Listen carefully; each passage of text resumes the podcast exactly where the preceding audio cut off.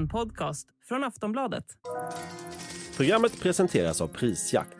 Jämför produkter, priser och butiker. Krisen för TV4 blir bara djupare och djupare. Under året har man lagt ner eller pausat flera stora tittarsuccéer. TV4 ska dra in på ett 20-tal tjänster inom nyhets och samhällsavdelningen på grund av lågkonjunkturen och ökade kostnader. Tillsammans med de sparåtgärder som kom tidigare i höstas när TV4s livedesk lades ner innebär det här att nyhets och samhällsverksamheten bantas med totalt ett 30-tal tjänster är ju en utmanande tid just nu och det ser vi ju både på TV4 men också via Play som planerar för stora sparpaket. Och effekterna av de här sparpaketen kommer vi förmodligen att se först om ett tag. Men att man pausar just de här långkörarna det är ju förstås en direkt konsekvens av sparpaketet. I dagarna kom beskedet att TV4 lägger ner tittarsuccén Lotta på Liseberg och att förändringar även kommer göras med nyheterna och programmet Efter fem. Tidigare i år har kanalen meddelat att man lägger Talang, Let's Dance, Parlamentet och Biggest Loser på is. I somras fick personalen på TV4 beskedet att 100 tjänster skulle bort. Då sa kanalen att det berodde på att man behövde möta den dåliga ekonomin och förändrade tittarvanor. Och i onsdags så kom ytterligare besked om förändringar och nedskärningar, något som just nu främst drabbar nyhetsredaktionen. Men krisen i tv-branschen är ingen nyhet. Under lång tid har alla stora tv-kanaler brottats med sjunkande tittarsiffror, dyra sporträttigheter och en allt tuffare annonsmarknad. Hur djup är krisen för TV4? Finns det möjligheter att vinna tillbaka tv-tittarna eller är tablå-tv helt på väg att dö ut? Ja, vi pratar om krisen i tv-branschen i det här avsnittet av Aftonbladet Daily. Jag heter Jenny Ågren.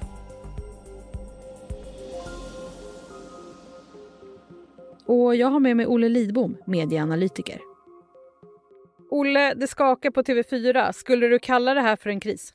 Ja, det är det. Alltså, just för TV4, som är ju den liksom enda kommersiella tv-kanalen med nyhetsredaktion och samhällsbevakning och att det här nya sparpaketet då slår mot den delen av TV4. Det skakar nu om både TV4s medarbetare men också kanske bilden av vad TV4 är för sorts tv-kanal. Så det här är inte så oväntat? Nej, alltså de har ju redan flaggat för ett sparpaket tidigare i höstas. Nu, om jag har förstått det rätt, är det här ett ytterligare sparpaket och mycket mer riktat mot journalistiken. Eh, och, och, men anledningen är ju densamma som tidigare. Det är ju att annonsintäkterna eh, för alla tv-kanaler har ju minskat enormt mycket bara på ett år. Jag har sett siffror på 30-40 procent mindre intäkter har tv-kanalerna. Så det är klart att eh, förutsättningarna att eh, ha journalister anställda minskar ju. Eh, och eh, min känsla och min gissning är ju att det man har sett här under sommaren, alltså att annonsintäkterna minskar, det har bara fortsatt under hösten. Lågkonjunkturen har bitit sig fast för tv-kanalerna. Vad beror just eh, TV4s kris på? TV4 eh, har ju varit på något sätt oerhört motsägelsefulla eftersom när hela tv-utvecklingen i stort har ju gått bort från tablå-tv, bort från eh, eh, ja, det, det här liksom lägre LCD, att alla sitter och tittar på samma tv-kanaler samtidigt. Hela marknaden har rört sig åt andra hållet med Netflix, HBO, SVT Play och så vidare. Men TV4 har stått emot och jag har nog sagt i tio år att snart nästa år händer det för TV4, då kommer krisen, liksom, omvärlden komma ifatt TV4. Men de har alltid på ett sätt klarat sig undan det, lite för att de har varit störst och det enda, den enda stora tv-kanalen i Sverige. Eh, men det som händer är ju egentligen inte TV4s fel. Eh, TV4 är nog kanske bland de bäst rustade i Sverige för att stå emot en sån här eh, annonskris som det här handlar om. Men eh, även TV4 ja, drabbas ju uppenbarligen. Och under året så har man ju ändå meddelat att flera stora tv-program läggs ner. Eh, har det förvånat dig ändå? Då? Ja, jag har varit förvånad över det för att jag har nog trott eh, när man har pratat med både de som analyserar tittningen och tittar på de som intäkter som man har eh, så har ju de här stora tv-programmen som man nu lagt ner det är de som har lockat mycket tittare och också de som har varit mest attraktiva för annonsörerna. Så jag har varit lite förvånad över det. Men så kan man väl då tänka att de är väldigt dyra de här produktionerna. Eh, de är live, det är en helt annan produktionskostnad i det jämfört med mycket annan framgångsrik tv just nu. Eh, så att det är en kostnadsbesparing förstås att ta bort de programmen. Och det TV4 håller på med, det ska man ju hela tiden ha i bakhuvudet när man tänker på både nedläggningen av dyra tv-produktioner men också de här neddragningarna som är nu på journalister eh, är ju att TV4 ägare, som är Telia, av allt att döma så planerar de att sälja TV4 och då måste man ju sälja ett lönsamt företag för då får man bättre betalt. Så att jag tror att det är också någonting som förklarar varför man tar till ganska drastiska eh, saker här för att helt enkelt göra TV4 mer lönsamt för att man ska kunna sälja det vidare. Ja, kan man säga något om hur TV4s ekonomi är uppbyggd? TV4 har ju, består ju numera av två delar. Dels det som hette Simor tidigare som är ju betal-tv eh, där man betalar för ett sportabonnemang för att kunna följa sina favoritfotbollslag till exempel. Och då betalar ju också då Simor har betalat extremt mycket pengar. Dels för att marknadsföra så att man får in kunderna men också betalat otroligt stora summor för tv-rättigheterna för att sända de här stora sportevenemangen. TV4, den andra liksom klassiska TV4 som har funnits sedan början av 90-talet, det är ju en helt och hållet renodlad reklamaffär. Alltså det är annonsintäkter som, som driver TV4. De har lagt ihop allt det här i bolag. Eh, man har fått en ny vd som ska liksom få ihop det och få det lönsamt för att sen kunna sälja det. Så att just nu så är det en lite mer blandad affärsmodell än det har varit eh, tidigare. Och hur måste TV4 nu hantera den här krisen?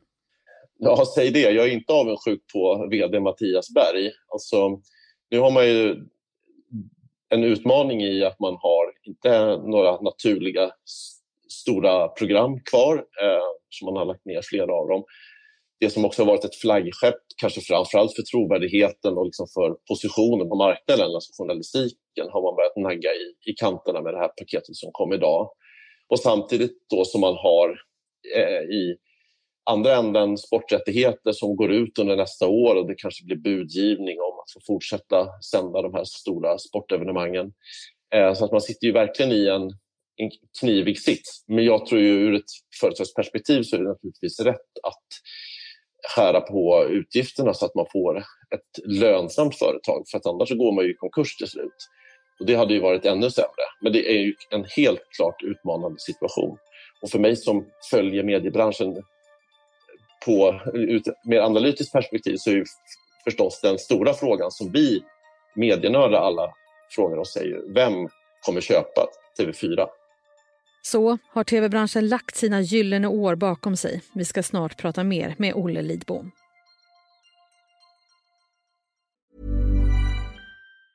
Tired of ads barging into your favorite news podcasts?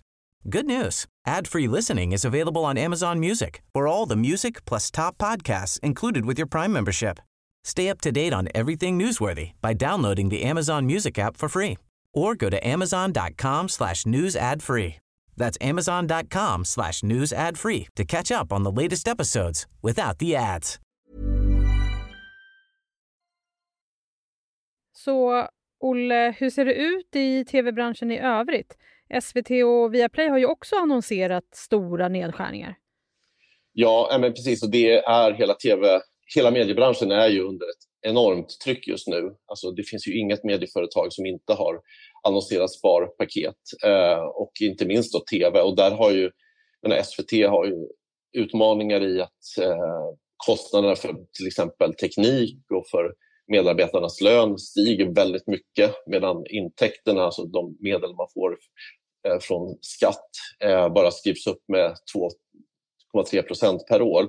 Så att man är ju verkligen i en rävsax när kostnaderna ökar. Och detsamma gäller ju på ett sätt via Play och i Viaplays fall så har man ju också haft ett stort problem att man har investerat väldigt mycket i dyr drama, svensk tv-drama som har varit otroligt dyr och kanske inte heller lockat så mycket nya kunder. Och samtidigt har man verkligen förköpt sig på dyra sporträttigheter som ligger och tickar på och kostar enorma summor.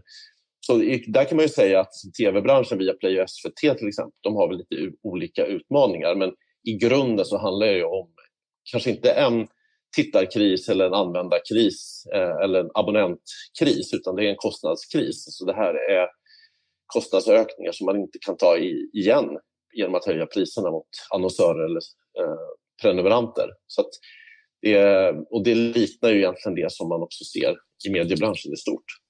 Och hur måste de stora tv-husen tänka nu då framöver? Man måste precis som TV4 själva säger att de säger att man ska få backa på ambitionsnivån. Alltså, det, vill säga, det gäller ju alla medieföretag att man har en... Eh, man kommer behöva göra lika mycket eller möjligen lite mindre på färre medarbetare. Eh, det kommer bli mycket mindre och förhoppningsvis mer effektiva organisationer.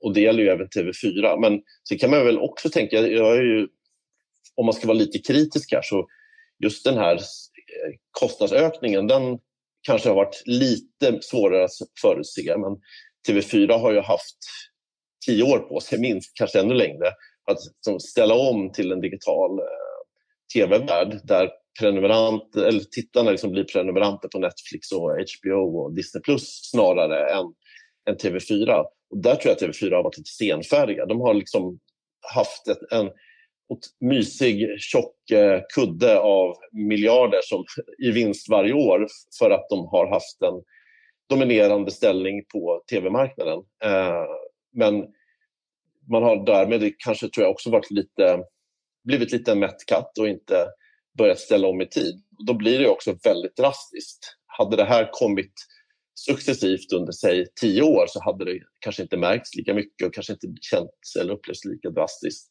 Ett exempel på det är att för tre år sedan så gick TV4 ut och sa att man skulle göra ett stort sparpaket, man skulle minska personal.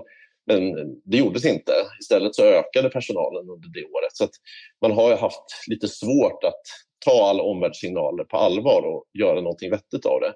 Så nu blir det ju väldigt drastiskt och det blir också stora rubriker förstås när TV4 behöver göra sådana här saker. Det låter ju onekligen ändå som de gyllene åren för eh, tv-kanalerna eh, ligger bakom dem. Men vad tror du, Olle, kommer all tablå-tv dö ut? Ja, någon gång så kommer det naturligtvis göra det. Jag, menar, jag är född på 70-talet. Jag kanske är den sista generationen som ser något värde i det överhuvudtaget. Eh, medan liksom, den yngre generationen tv-tittare tror jag inte riktigt förstår det här att sätta på tvn på ett speciellt klockslag. Men sen är det klart att eh, så länge man har en, en, stor grupp tittare så, så kommer nog tablå-tv finnas kvar. Och det är ju på ett sätt en ganska... Tekniken finns där, distributionen finns där så att det kanske kommer vara ganska billigt att göra det. Men jag tror fokuset och liksom där som tv-kanalerna lägger sitt stora fokus framöver, då kommer det handla om det, det, digitala. Precis den omställningen som till exempel dagstidningsbranschen har gjort och hållit på med i över tio år. Det vill säga, man fortsätter göra papperstidningen för en trogen, eh, väldigt lönsam eh, och förhållandevis billig målgrupp. Eh, man skär ner, man tar bort, precis som Aftonbladet har gjort, man tar bort söndagstidningen. Men man fortsätter göra papperstidningen, men hela det strategiska fokuset ligger på det digitala. Exakt det är ju det som jag tror tv-branschen är på väg att göra nu här också. Vad får allt det här för konsekvenser för tittarna? Först så tror jag att det kommer bli sämre tv eh, för att eh, man lägger mer, mindre pengar på produktioner, man köper in färre dramaserier. Vi har också i USA haft en stor eh, strejk bland manusförfattarna som många också menar kommer göra att det finns inte så mycket rolig tv att titta på det närmaste året eh, innan produktionen har kommit igång igen. Jag tror att vi tittar det närmaste året kommer tycka att det känns lite fattigt, lite tunt, lite mycket repriser, eh, lite mycket hopkok av, av gammalt. Men min förhoppning är ju förstås att tv-branschen förnyar sig själv här och hittar en väg framåt. Och då brukar ju det betyda att man lyssnar mer på vad tittarna eh, eller mediekonsumenterna vill ha och kommer på nya koncept, produkter, profiler eh, och annat innehåll som, som vi tycker är omistligt. Så förhoppningsvis så blir det ju någonting positivt av det här. Men det är klart, i den period som vi är nu, som är en kris, så kommer det vara, kommer vara dystert. Eh, men man får väl hoppas helt enkelt att om två, tre år så, så blir det rolig tv igen. Tack för idag, Olle. Tack. Sist här Olle Lidbom, medieanalytiker och kommunikationschef på Norstedts förlagsgrupp. Jag heter Jenny Ågren och du har lyssnat på Aftonbladet Daily. Vi hörs snart igen. Hej då!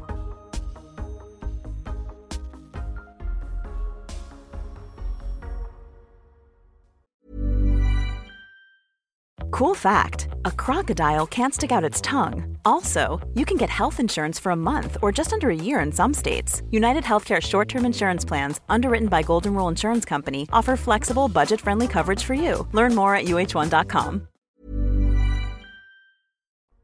Du har lyssnat på en podcast från Aftonbladet. Ansvarig utgivare är Lena K Samuelsson.